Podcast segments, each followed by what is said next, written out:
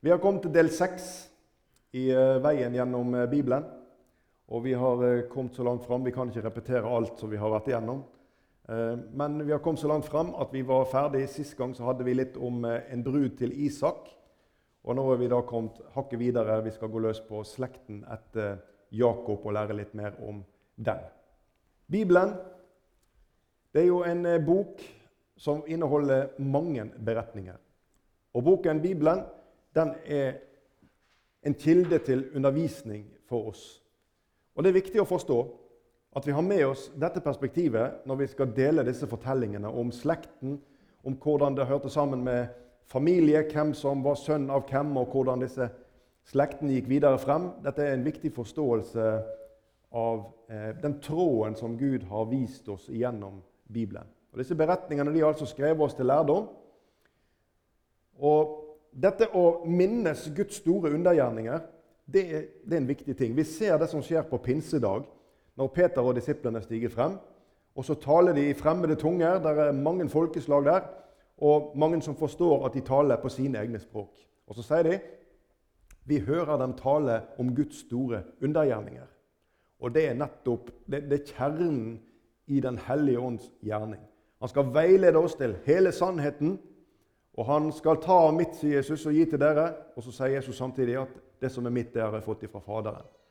Så Jesus, som vår bror, han deler av sitt, det han har fått av sin far, av Gud, og det deler han med oss. Og Den hellige ånd vil peke på Jesus, og vil peke på hvem Jesus er, og vil peke på hvem, ja, hvilket verk han har gjort, og vil peke på de undergjerningene som har vært gjort gjennom bibelhistorien, for at du og jeg skal finne trosstyrke i hvem Gud er. Dette er viktig å ha med.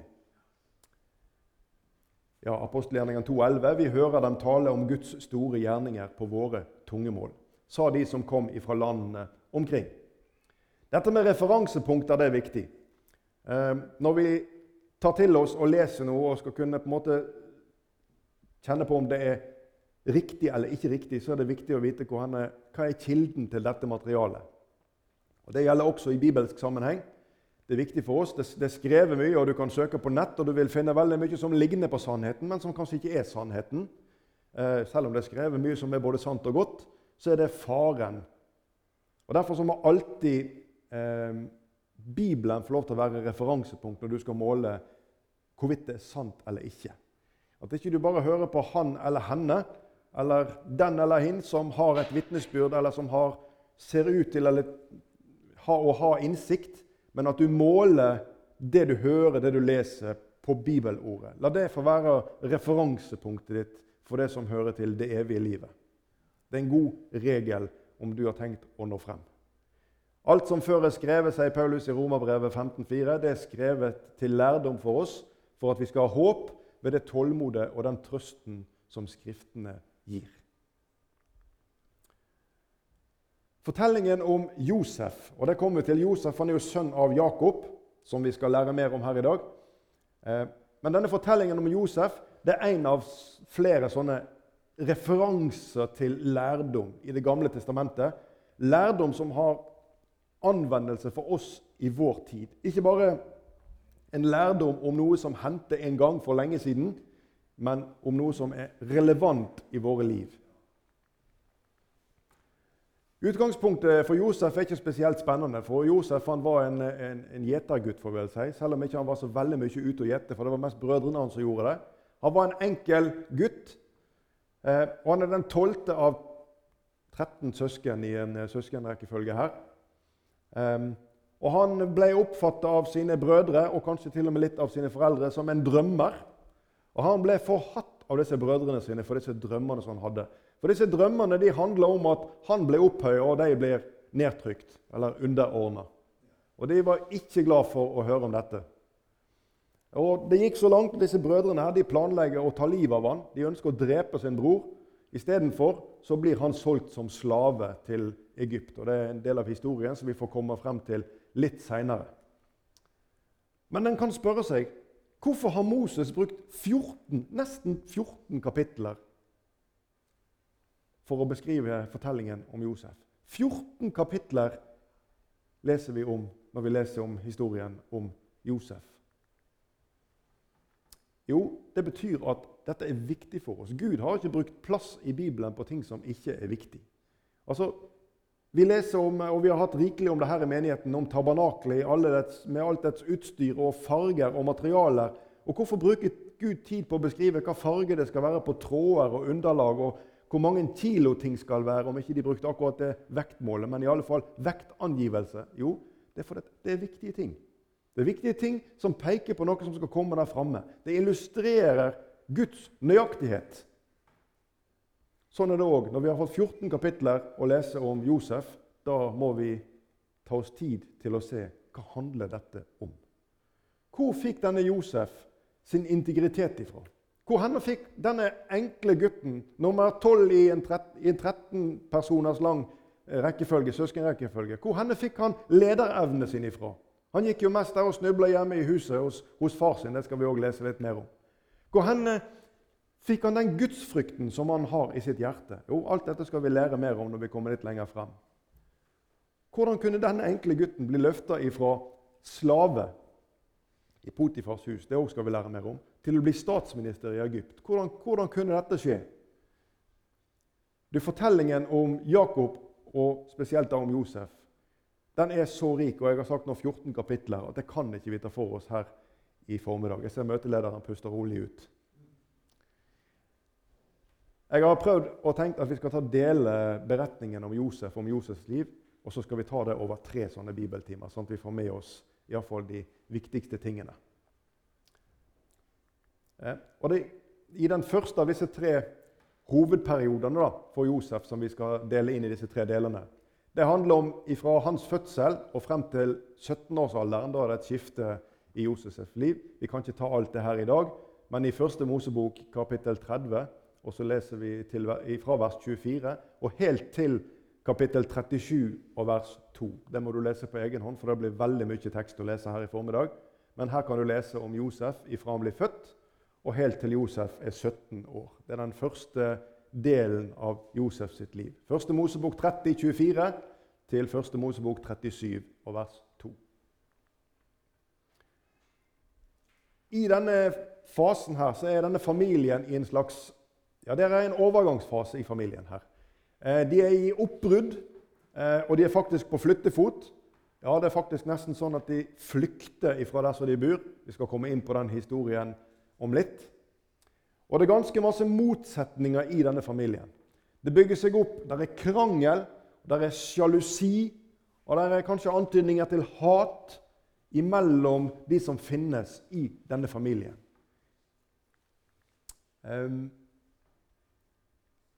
der er en, en, Laban, en som heter Laban, en onkel til Jakob, eh, som òg blir Jakobs svigerfar som, som, lurer Jakob. Jakob han kommer frem, Vi skal lese litt om dette etterpå. Jakob han kommer frem til Laban, og han eh, blir veldig glad i dattera til Laban, som heter Rebekka. Eh, unnskyld, Rakel. Eh, og Rakel eh, skal da bli Jakobs hustru. Og For at dette skal skje, så sier Jakob til Laban han skal jobbe for Laban i syv år. Og Så skjer det at når de blir gift, så eh, når han fører inn bruden til Jakob, overdekt som de var, så blir de gift, disse to. Og neste dag når Jakob står opp, så ser han at det er jo ikke, er jo ikke Rakel han har fått til kone, det er jo søstera som heter Lea. Og Så har det seg sånn en lang historie kort her nå, vi skal lese mer om det etterpå, at Jakob han må jobbe ytterligere syv år til hos Laban, sin onkel og svigerfar for å få også Rakel til hustru. Så sju år altså for hver av disse døtrene til Laban. Og ikke, Det stopper ikke her. Denne Laban han, eh, han svindler Jakob, han lurer Jakob. Ja, Jakob han vitner imot Laban seinere, vi skal lese om det òg. Om at Laban han forandrer lønnen hans ti ganger. Han er ikke å stole på, denne Laban. Og Jakob han utsettes for en del av dette. Eh, Jakob han utsettes også for et helt sånn urimelig erstatningsansvar. Han hadde ansvar for, for eh, dyrene til Laban og gjette de. Og Kom det da et udyr og rev i stykker et av disse lammene som han gjette, ja, så måtte Jakob erstatte det. Um, Vi leser i disse første årene her at Jakob han får heller ikke arbeide for sin egen familie, for han er så opptatt, av, opptatt med å jobbe for, for, Laban, for at Laban sin rikdom skal bli større. Vi skal gå inn og lese mer om disse tingene etterpå. Men vi, vi begynner med å lese litt sammen her fra 1. Mosebok 25, og vi leser vers 20-26. Og Isak var 40 år gammel da han tok til kone Rebekka, datter til arameeren Betuel fra Mesopotamia søster til arameeren Laban. Isak ba til Herren for sin kone, for hun var barnløs, og Herren bønnhørte ham. Hans kone Rebekka ble med barn, men barna støtte mot hverandre i hennes liv. Da sa hun, 'Er det slik med meg?' Hva skal det så bety? Og, han, og hun gikk for å spørre Herren. Og Herren sa til henne, 'I ditt liv er det to folk, og fra ditt mors liv skal to folkeslag skille seg ut.' Det ene folket skal være sterkere enn det andre, og den eldste skal tjene den yngste. Vi leser videre fra vers 24. Da nå hennes tid var kommet og hun skulle føde, se da var det tvillinger i hennes liv. Den første som kom fram, var rød og lodden som en kappe over hele kroppen, og de kalte ham Esau. Deretter kom broren hans fram. Hånden hans holdt fast i Esaus hæl, og de kalte ham Jakob. Isak var 60 år gammel da de ble født. Jakob det betyr å holde i hælen, men det betyr òg å overliste eller bedra. Mens Esau det betyr den som handler, eller den som gjør ferdig. Og Vi skal finne her når vi leser litt om disse to, at begge navnene er ganske beskrivende for hvilken personligheter disse her to hadde. Vi leser to vers fra 1. Mosebok 25 og vers 27-28. Da guttene vokste opp, ble Esau en dyktig jeger, en mann som levde ute i marken. Men Jakob var en stillferdig mann som holdt seg ved teltene. Isak holdt mest av Esau, for han likte vilt, men Rebekka holdt mest av Jakob.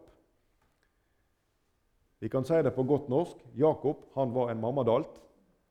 Han var hjemme med teltene ikke bare holdt han sin bror i hælen da han ble født, som navnet hans òg betyr, men han var den som snubla rundt omkring der med teltene.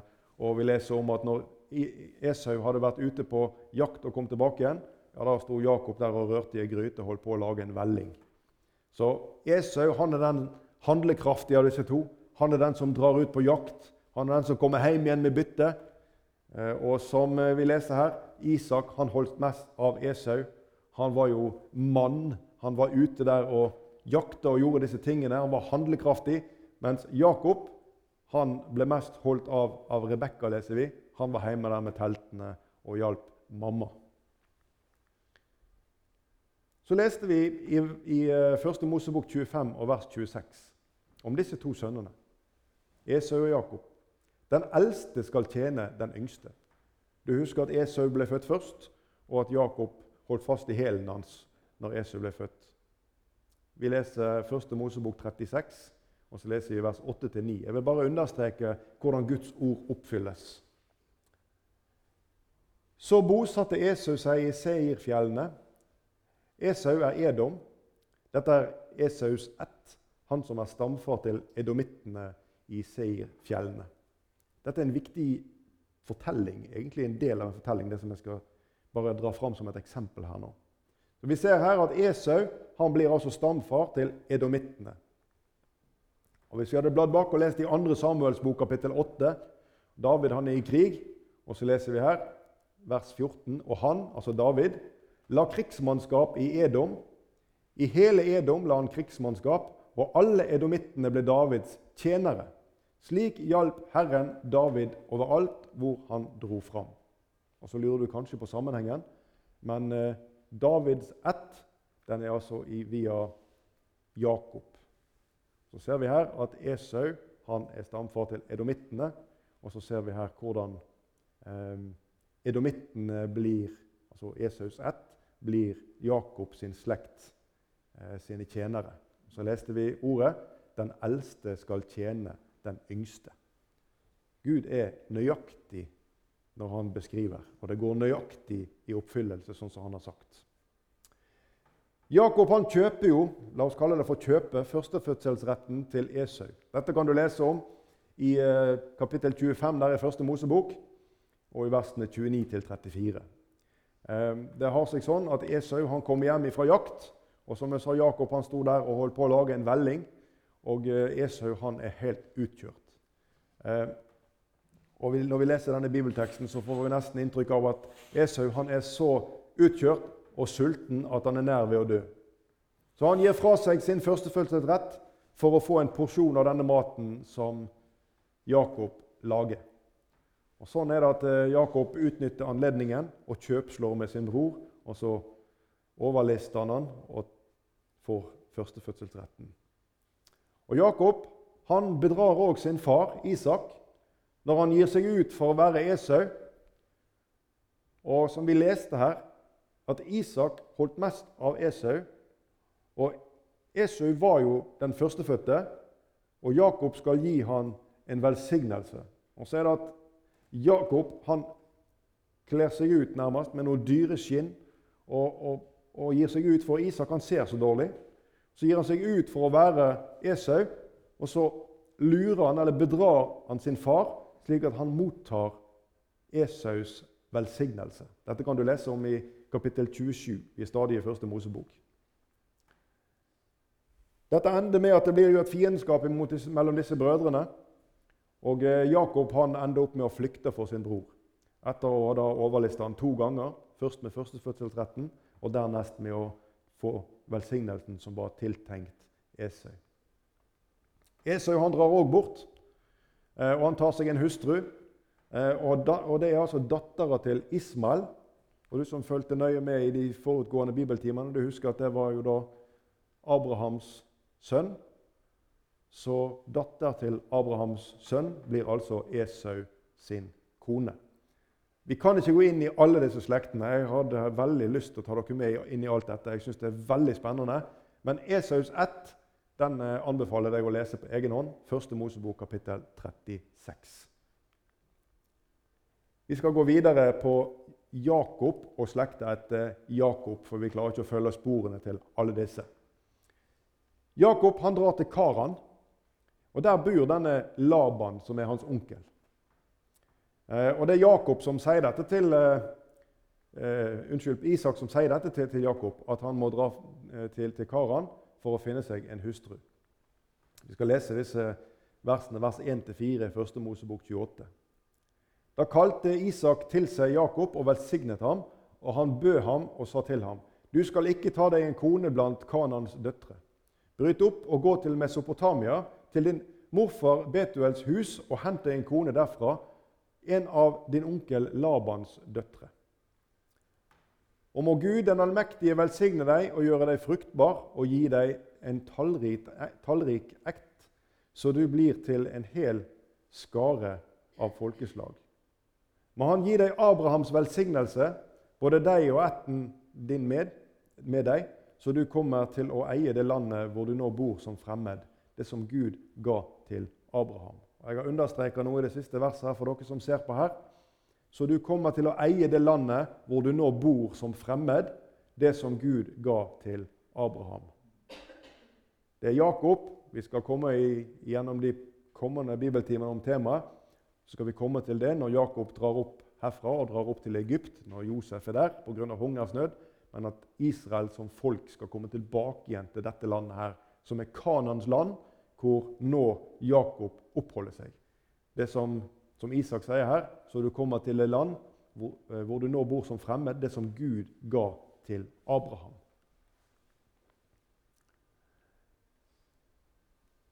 Første Mosebok 29, vers 18 og 20. Der leser vi om eh, når Jakob kommer frem til Labans hus.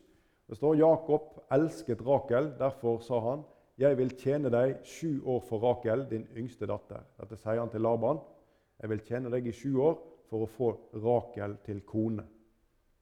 Og I vers 20 så leser vi så tjente Jakob sju år for Rakel, og tiden syntes ham som noen få dager fordi han elsket henne. Et flott vitnesbyrd om hvordan det kan være i en ung manns hjerte. Han tjente i sju år, og det syntes ham som noen dager for så glad var han i Rakel. Men så narrer da altså Laban Jakob. som da får Lea istedenfor Rakel. Og Da leser vi videre noen vers fra vers 26, og vi er stadig i samme kapittel. 26 og 27. Eh, Laban svarte, det er ikke skikk her på stedet å gi den yngste bort før den førstefødte. Fullfør nå Leas bryllupsuke, så vil jeg også gi deg den andre for den tjeneste du vil gjøre hos meg i sju år til. Det var en bra svigerfar. Så 14 år så tjener altså Jakob hos Laban for disse to, Lea og Rakel. Men etter hvert som tiden går her, så opparbeider Jakob seg sin egen buskap. Og Det gjør han ved at det som er stripete og spraglete i disse saueflokkene, det skal være Jakob sitt. Og Jakob sin del av flokken den vokser og vokser. Og Sønnene til Laban de blir mer og mer sinte og misunnelige på Jakob fordi at Jakob sin eiendom vokser. Og de kjenner på en følelse av at Jakob han gjør seg rik på det som egentlig tilhører vår far. Og Det skal vi lese om her. Da vi kommet til kapittel 31 i Første Mosebok, vers 1-2. Jakob fikk høre at Labans sønner sa han har tatt alt det som far eide. Av det som tilhørte vår far, har han lagt seg til all denne rikdommen. Jakob så på Labans ansikt at han ikke var den samme mot ham som før. Det ble ikke lenger eh, det forholdet det hadde vært mellom disse to. Eh, Laban han bar på følelser som han ikke klarte å skjule, og det viste i hans ansiktsuttrykk. Og Jakob forsto hva dette betydde. Så Jakob han hadde et syn hvor Gud ba Jakob om at han skulle dra opp, bryte opp herfra. Um, og Jakob han går til sine hustruer. Han kaller de inn fra marken. står det. De er ute og gjeter fe, Rakel og Lea. Og Vi leser vers 5-7 her. Han sa til dem, 'Jeg ser på ansiktet til deres far at han ikke er den samme mot meg som før.' 'Men min fars Gud har vært med meg.' 'Dere vet selv at jeg har tjent deres far av all min kraft.' Og så har han bedratt meg og forandret lønnen min ti ganger. Men Gud lot ham ikke få gjøre meg noe ondt. Jakob han kjenner sitt hjerte at dette er ikke rett. Laban han, sta, han bedrar meg stadig. Han har forandra lønna mi mange ganger. Sønnene hans nå de eh, konspirerer og vil legge seg imot meg. De mener at jeg har tilrannet meg noe av denne rikdommen. Så han sier til sine koner at vi skal bryte opp. Vi skal dra herfra. Og Så leser vi om deres respons, disse to konene, Rakel og Lea, vers 14-16. Da tok Rakel og Lea til orde og sa til ham.: Har vi ennå arv og lodd i vår fars hus? Har ikke han regnet oss som fremmede? Han har jo solgt oss, og han har brukt opp det han fikk for oss. Ja, all den rikdommen Gud har tatt fra vår far, tilhører oss og våre barn. Gjør nå bare alt det Gud har sagt deg. Så Rakel og Lea de vil være med sammen med sine, og de vil bryte opp herfra fra fellesskapet med, med Laban. Så leser vi videre her. Så gjorde Jakob seg ferdig og satte sine barn og koner opp på kamelene. Han tok med seg hele buskapen sin, det fe han hadde skaffet seg i Mesopotamia, og alle de eiendeler han hadde samlet. Nå ville han dra til Isak, sin far, i Kanaan. Og Jakob lurte arameeren Laban, for han sa ikke noe til ham om at han ville dra sin vei. Han rømte med alt det han eide. Han ga seg på veien og satte over Eufrat og drog i retning av Gilead-fjellet. Men Laban vet du, han setter etter Jakob. Han ser her at her er jo Jakob og hans, både, både hans kone, altså døtrene, og eh, hans barn og hans buskap og alle tingene, og alt er vekk. Jakob har flyktet. Så leser vi versene 22 eh, 23 i samme kapittel. Den tredje dagen ble det fortalt Laban at Jakob hadde rømt. Da tok han med seg frendene sine og satte etter ham sju dagsreiser og nådde ham igjen på Gileadfjellet. Og Her oppe på Gileadfjellet her blir det en konfrontasjon mellom disse to. Eh, det blir noen bebreidelser fra Laban sin side. Det viser seg at eh, Rakel har stjålet husgudene i huset til sin far. Og Disse har hun gjemt. Og eh, Laban han har dette litt som påskudd, at du har jo stjålet fra meg. Men så har det seg sånn at Laban han finner ikke disse, disse husgudene. Han ransaker teltene og de ting som Jakob har med seg. Og Det er så enkelt fordi at eh, Rakel hun sitter oppe på en kamel. og Hun sier til sin far at hun vil ikke reise seg, for hun har det på kvinners vis. Men nede i de veskene som hun har ved siden av på kamelen, der, der ligger disse tingene som hun har tatt. Så har det seg sånn at eh, Laban han finner ikke dette. Og når han ikke finner det, så blir eh, da Jakob nå er begeret fullt. Så nå er det på tide å gi beskjed til Laban om hva han tenker om dette. Og Vi leser i 1. Mosebok 31 og vers 36. Da blir Jakob harm og kom med anklager mot Laban. Han tok til orde og sa til ham, 'Hva ondt har jeg gjort? Hva er min synd, siden du forfølger meg slik?' Og Vi leser litt videre. 'Nå har jeg vært hos deg i 20 år.' 'Sauene og geitene dine har, jeg aldri, har aldri født for tidlig,' 'og værende i buskapen din har jeg ikke ett opp.' 'Jeg kom ikke til deg med dyr som var revet i hæl, men godtgjorde skaden selv.' Når noe var stjålet, krevde du erstatning av meg, enten det hadde skjedd om dagen eller om natten. Om dagen ble jeg plaget av hete, og om natten av kulde. Jeg fikk ikke sove på grunn av mine øyne. I 20 år har jeg vært i ditt hus. 14 år tjente jeg for dine to døtre og seks år for småfeet ditt. Og ti ganger endret du min lønn. Vi hører Jakob her. Her er begeret fullt. Nå får Laban høre det, hvordan dette her henger sammen. Hvordan opplevelsen har vært i disse 20 årene mens jeg har vært hos deg, Laban. Og Han sier da til frendene sine, vi leser her Sank sammen stein, så tok de steiner og laget en røys, og de holdt et måltid der ved røysen. Her ble reist ei røys, og vi skal lese litt mer om den, en minnerøys hvor verken Laban eller Jakob når de kommer frem til denne røysa, her, så skal ikke de reise inn i hverandres områder med ondt i sinne. De gjør fred her på toppen på fjellet. Og så står det så fint de holdt måltid der ved røysen. I eh, israelsk tradisjon så har det en helt spesiell betydning å holde måltid. Det kan vi lese om dette bildet flere steder i Bibelen, og vi leser om det når, i åpenbaringsboken når vi leser om at eh, jeg skal komme inn til deg og jeg skal holde måltid med deg. Det handler om et fredsmåltid. I jødisk tradisjon så kan ikke vi ha måltid sammen med noen før vi er forsont. Så et måltid har en helt spesiell symbolsk betydning. og Det er også fint å lese om her, at de holdt måltid der ved denne røysen som de hadde reist opp. Eh, Galed det betyr altså vitnesbyrdets steinrøys. Så leser vi eh, videre her fra vers 51 og 52. Da sa, Jakob, da sa Laban til Jakob.: Se, denne steinrøysen og minnesteinen har jeg reist mellom meg og deg. Både røysen og steinen skal være vitner på at jeg ikke drar forbi dem til deg, og at du ikke kommer forbi dem til meg for å gjøre noe ondt. Nå har vi lest litt om fortellingen om flukten fra Laban. Vi har lest litt om hvordan Jakob både har vært svindler og en lurendreier. Og vi har lest litt om hvordan han har blitt utsatt for det samme av sin onkel og svigerfar Laban. Vi har lest om flukten derfra. Vi har lest om at Jakob midt i alt dette har blitt en rik mann, og at han har hustruer, og at han har barn. Vi skal gå litt videre inn i kapittelet som handler litt om Jakob som far. For det er et aspekt ved dette Jakob han var travelt opptatt med alle de ting som han hadde. Men vi leser, når vi leser bibelteksten, så vil du finne at Jakob han fremstår på mange områder som en passiv og litt sånn likegyldig far.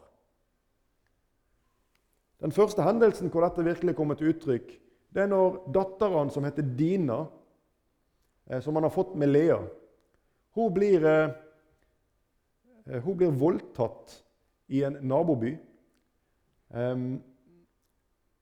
Vi leser her i 1. Mosebok 34 og vers 1-2. Dina, datteren som Jakob hadde fått med Lea, gikk en gang ut for å se til pikene i landet. Hun gikk ut fra leiren ut for å se på de andre, for å møte de andre jentene der i landet. Sikhem, som var sønn av hevitten Hamor, høvdingen der i landet, fikk se Dina.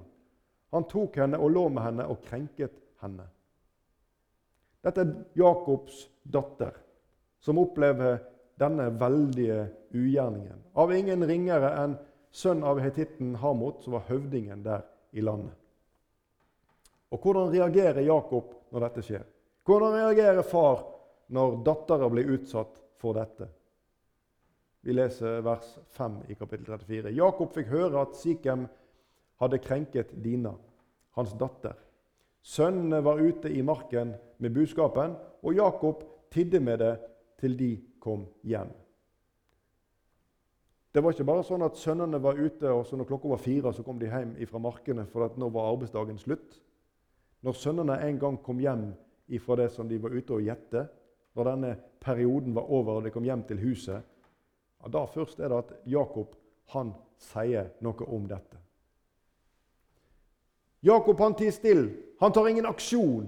Han bare ser at dette har hendt. Og så venter han, og når sønnene kommer hjem, så forteller han om det. Jakob han legger ikke frem noen plan om hva de skal gjøre. Og sønnene, Jakobs sønner ja, de blir rasende på denne siken. Men det er ikke Jakobs reaksjon vi leser om. Det er sønnenes reaksjon vi leser om. Og på toppen av alt, etter å ha forulempa og voldtatt Dina, så har det seg sånn at Sikhem, det står at hans hjerte ble stadig hengende ved henne. Han var glad i henne, og han ønska å ha henne til kone etter alt dette.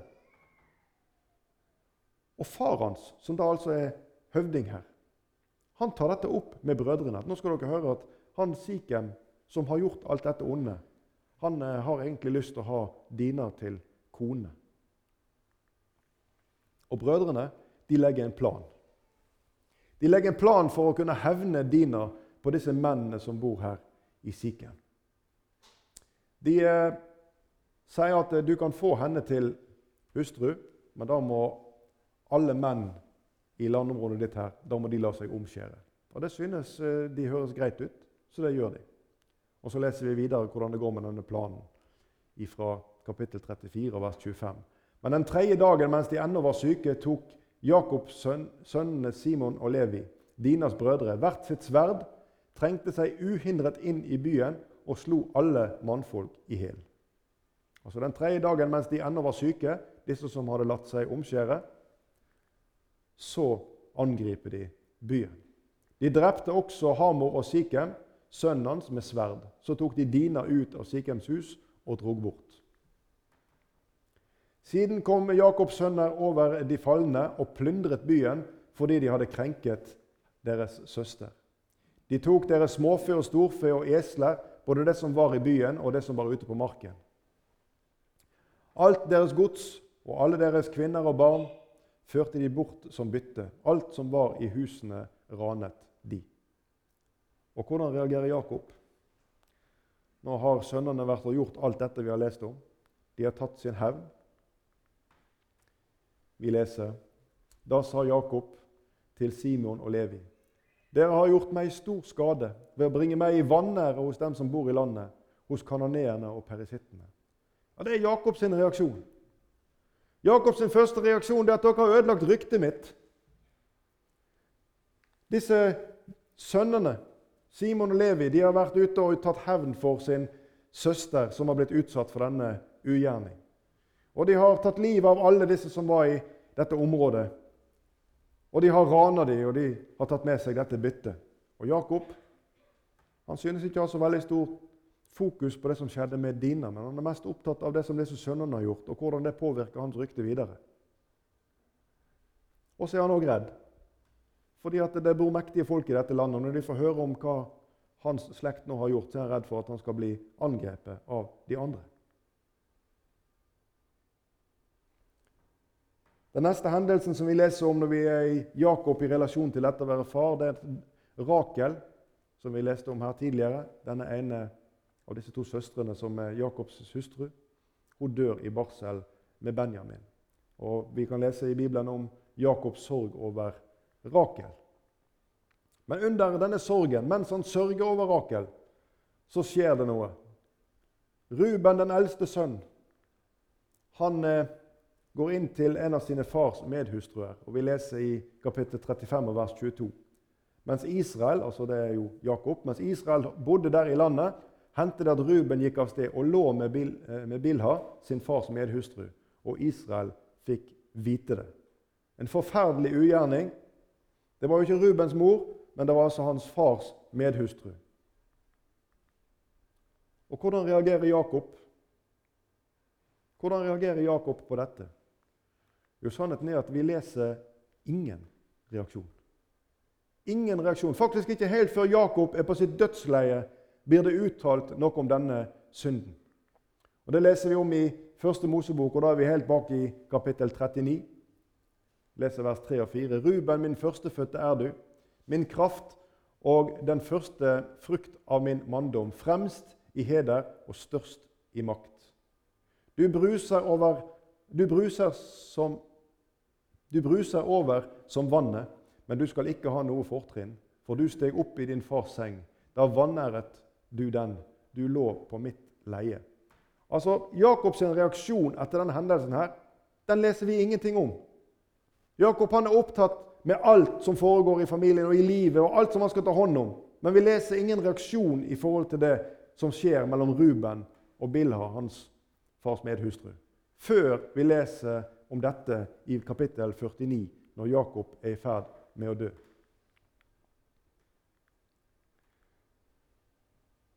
Det er ikke en eh, perfekt eh, farskarikatur vi leser om når vi leser Jakob. Og jeg forteller disse tingene fordi at når vi, når vi, lærer om de ulike personene i Bibelen Vi har lært om Abraham, vi har lært litt om Isak, og nå lærer vi en del om Jakob. Og så kjenner du begrepet Abraham, Isak og Jakobs Gud. Det er lett å si mange flotte ting og store ting om Abraham. Eh, og det er lett å finne mange flotte ting å si om Isak. Men når vi borer litt og ser i Jakobs liv, så finner vi masse feil og mangler, og ting som kanskje ikke er sånn som de burde være. Men Gud, han er Abraham, og han er Isaks, og han er Jakobs Gud. Uavhengig av hvordan livsførselen deres var her, så viser Gud i dette begrepet at også en som Jakob, han er med. Og Det syns jeg det er et viktig element å ta med seg fra bibelhistorien for den som kjenner på at han ikke rekker frem. Den som kjenner på at han ikke får det til. Den som ikke klarer å, ha, ja, å oppfylle den rette farsrollen. Den som ikke klarer å, å få utøvd eh, den kjærlighet som han burde over sin familie. Og Vi kunne tatt mange perspektiver av dette. Nå har jeg bare pekt på noen i Jakobs liv. Og så vil jeg òg samtidig peke på at Gud han er også Jakobs Gud. Han er Gud til den som ikke får det til. Når Josef blir født, så er det sånn at når han vokser opp, så hører han mye som disse andre brødrene snakker om. Og så forteller han om dette her til far sin. Og Det faller jo ikke i god jord sant? Når, når, når, Jakob blir klar over ting som de har snakket om seg imellom, og så har de denne her yngre broren som en sånn angiver. Første Mosebok 37, vers 2. Dette er historien om Jakobs ett. Da Josef var 17 år, gjette han småfe sammen med brødrene sine. Ung som han var, fulgte han med sønnene til Billa og Silpa, farens kone. Alt det onde han hørte om dem, gikk han til faren med. Det vi på godt norsk ville kalt for en sladrehank. Og Han ble ikke populær iblant sine brødre for det han gjorde. Og I 17 år så er altså Josef denne yndlingssønnen iblant sine brødre. Og du vet, hatet og fiendskapet mellom han, altså ifra brødrene til Josef, det vokser stadig. Og Jakob han forskjellsbehandler disse sønnene. Det er en av de andre aspektene vi kunne ha sett på ved Jakob som far. Vi leser om at uh, i vers 3 i kapittel 37 at Israel var mer glad i Josef enn i alle andre sønnene sine, fordi han hadde fått ham på sine gamle dager. Og så står det han laget en si kjortel med lange ermer til ham. Ja, Det er et tydelig signal. Du skal ikke jobbe sånn som de andre må gjøre. De skal ut og gjete sauner og alt dette der, men du, du, skal ikke jobbe sånn som de andre. Kjortelens betydning Denne her er en lang kjortel som på hebraisk heter passim. Og Hvis vi oversetter ordet, så betyr det rister eller ankler. Det betyr en si kjortel som er helt nedpå der, som ikke samsvarer med å gå ute i marken og gjete dyr eller gjøre annet særlig praktisk arbeid. Også dette legger jo brødrene merke til. Det er et tydelig tegn på at Josef han skal ikke måtte jobbe sånn som de andre. Dette hjelper ikke på søskenforholdene. Det er grobunn for misunnelse og hat, og det vokser. Vi leser vers 4.: Men da brødrene så at faren holdt mer av han enn av alle de andre sønnene sine, la de ham for hat og kunne ikke si et vennlig ord til ham. Og Det tilspisser seg en hel del. De klarte ikke å si et godt ord til sin bror Josef. Vi leser videre i samme kapittel fra vers 5 og utover. En gang hadde Josef en drøm som han fortalte til brødrene sine. Og da, begynte, og da begynte de å hate ham enda mer. Han sa til dem, 'Nå skal dere høre hva jeg har drømt.' Jeg syntes vi var ute på åkeren og bandt kornbånd. Med ett reiste mitt kornbånd seg opp og ble stående, mens kornbåndet deres stilte seg omkring og bøyde seg for mitt. Da sa brødrene til ham, Du skal kanskje være konge og rå over oss. Og så hatet de ham enda mer for drømmene og historien hans. Siden hadde han enda en drøm, som han fortalte til brødrene sine. Nå har jeg hatt enda en drøm, sa han. Solen og månen og elleve stjerner bøyde seg for meg. Da han fortalte det til faren og brødrene, kjente faren på ham og sa, Hva er det nå du har drømt? Skal virkelig jeg og din mor og dine brødre komme og bøye oss til jorden for deg? Du som kjenner bibelhistorien, du vet litt om hvor henne dette går henne. Men dette er drømmer med tydelig innhold, et tydelig budskap om noe som ligger frem i tid. Den delen av historien skal vi komme tilbake igjen til. Vi leser videre om at brødrene ble misunnelige på ham, men faren bevarte dette i sitt minne. Josef han er altså hjemme, mens brødrene de er ute på marken og arbeider. Og Vi husker stadig denne kappen som han har fått av sin far. Og En dag så leser vi, så gikk brødrene av sted for å gjete forene, eh, farens småfe ved Siken. Da sa Israel til Josef, 'Du vet at dine brødre gjeter ved Siken.' 'Kom, jeg vil sende deg til dem.' 'Ja vel', svarte han. Du husker kanskje hvor Sikem er nå, basert på det vi leste tidligere. Sikhem det er det sted hvor Simon og Levi drepte alt mannkjønn. Det var der Dina ble forulempa. Det er dette området de er å gjete. Og Josef han svarer ja vel og drar av gårde. Da sa faren, gå og se hvordan det står til med brødrene dine og småfe. Kom så tilbake og fortell meg det. Så sendte Jakob han av sted fra Hebrondalen, og han kom til Siken. Jakob han sender altså Josef til disse hatefulle brødrene, som er både misunnelige og har hevnlyst over sin bror. Men Jakob han ignorerer fullstendig denne problematikken. Han sender Josef av gårde til disse ut i ødemarka, disse som er så sinte og hatefulle på Josef at de ikke kan si ett vennlig ord til ham. Og Så leser vi om reaksjonen og hva som faktisk skjer når Josef kommer frem vers 18-20. De så ham langt borte, og før han var kommet fram til dem, satt, satte de seg fore å drepe ham. Så De så Josef komme der borte, han var på vei mot dem. Og allerede når de så ham, så kjente de i sitt hjerte at nå er tiden inne, nå skal vi ta ham. Nå skal vi ta livet av ham. De sa til hverandre, se der kommer denne stordrømmeren. Nå tar vi og slår ham i hjel, så kaster vi ham ned i en av brønnene her og sier at et villdyr har ett ham opp. Og så får vi se hva det blir av, denne drømme, av drømmene hans. Men så er det at Ruben, den eldste, han griper inn. Og Han redder Josef fra brødrene sine. Istedenfor at de får drepe han, så kaster de han ned i en brønn i live. Og vi leser her, Da når Josef kom til brødrene sine, rev de kjortelen av ham, kjortelen med de lange ermene som han hadde på seg. Det er liksom understreket her hvilken kjortel det er Josef kom i. Det er den kjortelen som vitner om at 'jeg er ikke sånn som dere'. 'Jeg skal ikke arbeide sånn som dere må'. Den kjortelen er det han har på seg. Så tok de og, bandt, eh, tok de og kastet ham ned i brønnen. Eh, den var tom, det fantes ikke vann i den. Så satte de seg ned for å få seg mat. Du Les, om, eh, les det som skjer her. Hør, hør, det som skjer her. De er klar for å drepe sin bror. Selve drapet blir avverga, men de tar og kaster ned i en brønn. Og så setter de seg ned. De tar rett og slett lunsj. Det er ikke noe dårlig samvittighet her. Nå har de tatt denne drømmeren, han som de hater og ikke kan fordra, og så kaster de han ned i denne brønnen, og så setter de seg ned for å spise. Og Så blir Josef solgt, dette følget som kommer forbi. Og Jeg gjør denne historien litt kort, for ellers så blir det for mange detaljer å få med oss. Josef han blir solgt for 20 stykker sølv. Og prisen Josef blir solgt for, 20 stykker sølv Hvis du blar litt og leser litt i bibelleksikon, så vil du finne at det er den prisen som normalt er en omsetningsverdi for en litt funksjonshemma slave.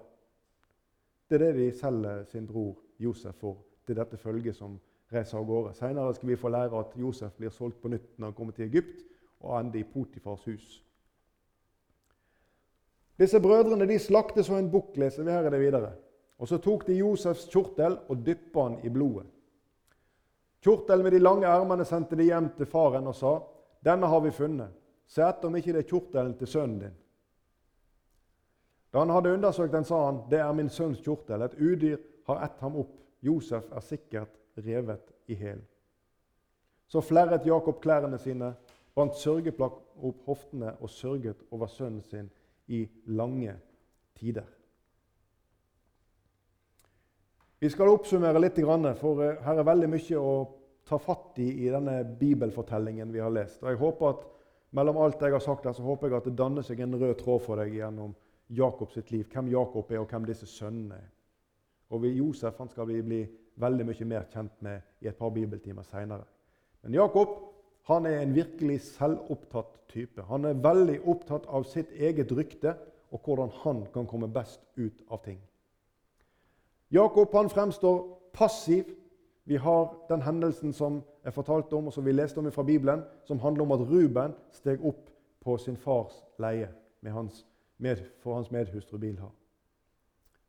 Vi leser òg om hvor passiv han er i forhold til det hat og det sjalusi som finnes imellom ja, både de andre sønnene og Josef, men òg mellom hustruene sine. For der også er det sjalusi og problemer. En veldig sjalusitung familie med mye som skjer i forhold til de barn som blir født. Dette, dette må du lese om på egen hånd.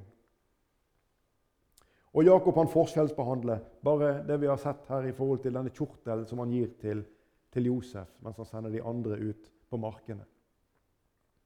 Du, Josef sitt oppvekstmiljø det er fylt av nettopp dette. Det er fylt en heim, en leir, som er fylt av misunnelse, av urett, av hat, av løgn og av en passiv farsrolle.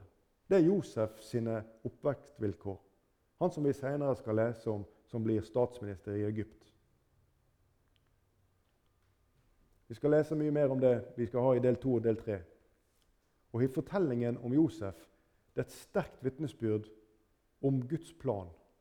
Både for enkeltpersoner som Josef, men òg for de mange som blir berørt av den plan som Gud har for denne ene. Du, Det kristne hjem Sier Bibelen noe om hvordan det skal være med fars- og morsrollen? Vi er jo blitt sånn For at vi skal være litt korrekte, så skal ikke skal være, alt skal være helt likestilt. Og Jeg skal ikke dra den delen av dette inn i denne preika. Men Bibelen den sier oss noen viktige læresetninger om både det å være mor og det å være far. Ting som ikke vi kan viske ut, selv om vi i vår samtid opplever at skal være, alt skal være likt. Først, i Romerbrevet 15,4 så sier Paulus alt som før er skrevet, det er skrevet oss til lærdom. Nå lærer vi litt om livet til Jakob, om familien hans. Vi lærer litt om denne fortellingen. Og dette har elementer i seg som er aktuelle for oss. Bare det vi har lest om Jakob som far i dag, berører flere av oss som sitter og hører på dette. Alt som før er skrevet, er skrevet oss til lærdom. Altså også dette. Og vil bare si til oss alle, enten du skulle være mor eller far, at misunnelse og sjalusi og stolthet og egoisme Dette er alle ting som befinner i Jakobs hus. Og dette er noen av de tidløse våpen som djevelen retter imot det kristne hjem. Så når vi har lært om alle disse vanskelighetene i dag, så er det høyst relevant, relevante elementer i vår tid, i våre familier.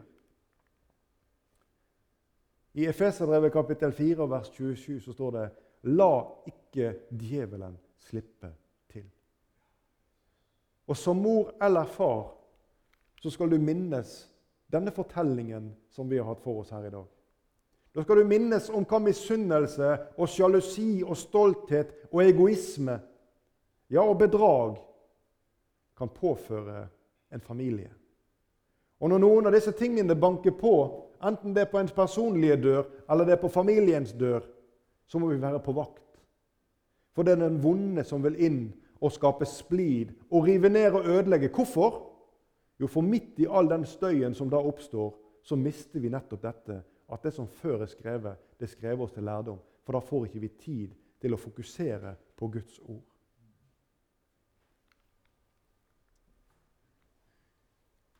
Efeserne 6,4.: Dere fedre, vekk ikke sinne og trass hos barna, men gi, gi dem den oppdragelse og rettledning som er etter Herrens vilje. Det å lære barna om Herrens vilje det er et farsanliggende, leser vi i Bibelen. Ja, det er et menighetsanliggende også. Helt til slutt. 5. Mosebok, kapittel 6, vers 6-7. Disse ordene som jeg byr deg i dag, skal du gjemme i ditt hjerte. Dette sier Moses til Israels barn. Og du skal innprente dem i dine barn. Du skal tale om dem når du sitter i ditt hus, når du går på veien, når du legger deg, og når du står opp. Det er et ganske stort fokus på å lære barna om Jesus i det som ligger i dette. Du skal innprente dem i dine barn. Du skal tale om dem når du sitter i ditt hus, når du går på veien, når du legger deg, og når du står opp. Det betyr at Guds ord det må ligge i vårt hjerte og i vår tanke hele tiden. Da kan han få virke igjennom oss. Og Det er et ransakende spørsmål for oss, enten det skulle være far eller mor. Og Vi skal la det spørsmålet få lov til å være litt sånn avslutning her. Hvordan ser familien min, ektefellen min, barna mine hvordan ser de Jesus i meg? Et høyt, høyst aktuelt spørsmål i den tid som vi lever i. Gud har ikke forandret seg, leser vi. Men djevel han er fortsatt fienden som vil ødelegge og røve og drepe. Og Det gjelder også det kristne hjem. Herre Jesus, du ser alle disse ordene vi har hatt for oss. Fortellingen om Jakob og om familien hans. Dette ble mye bibeltekst og mange ting å tenke på. Må du la essensen av dette synke ned i våre hjerter. Hjelp oss så vi kan dra lærdom av dette. Så vi kan ta det med oss inn i våre egne hjem. Og så vi også ved dette kan lære hvordan vi bør ha fokus på deg og ditt ord, og hvilken plass det skal ha i heimen hos oss, slik at djevelen ikke slipper til. Amen.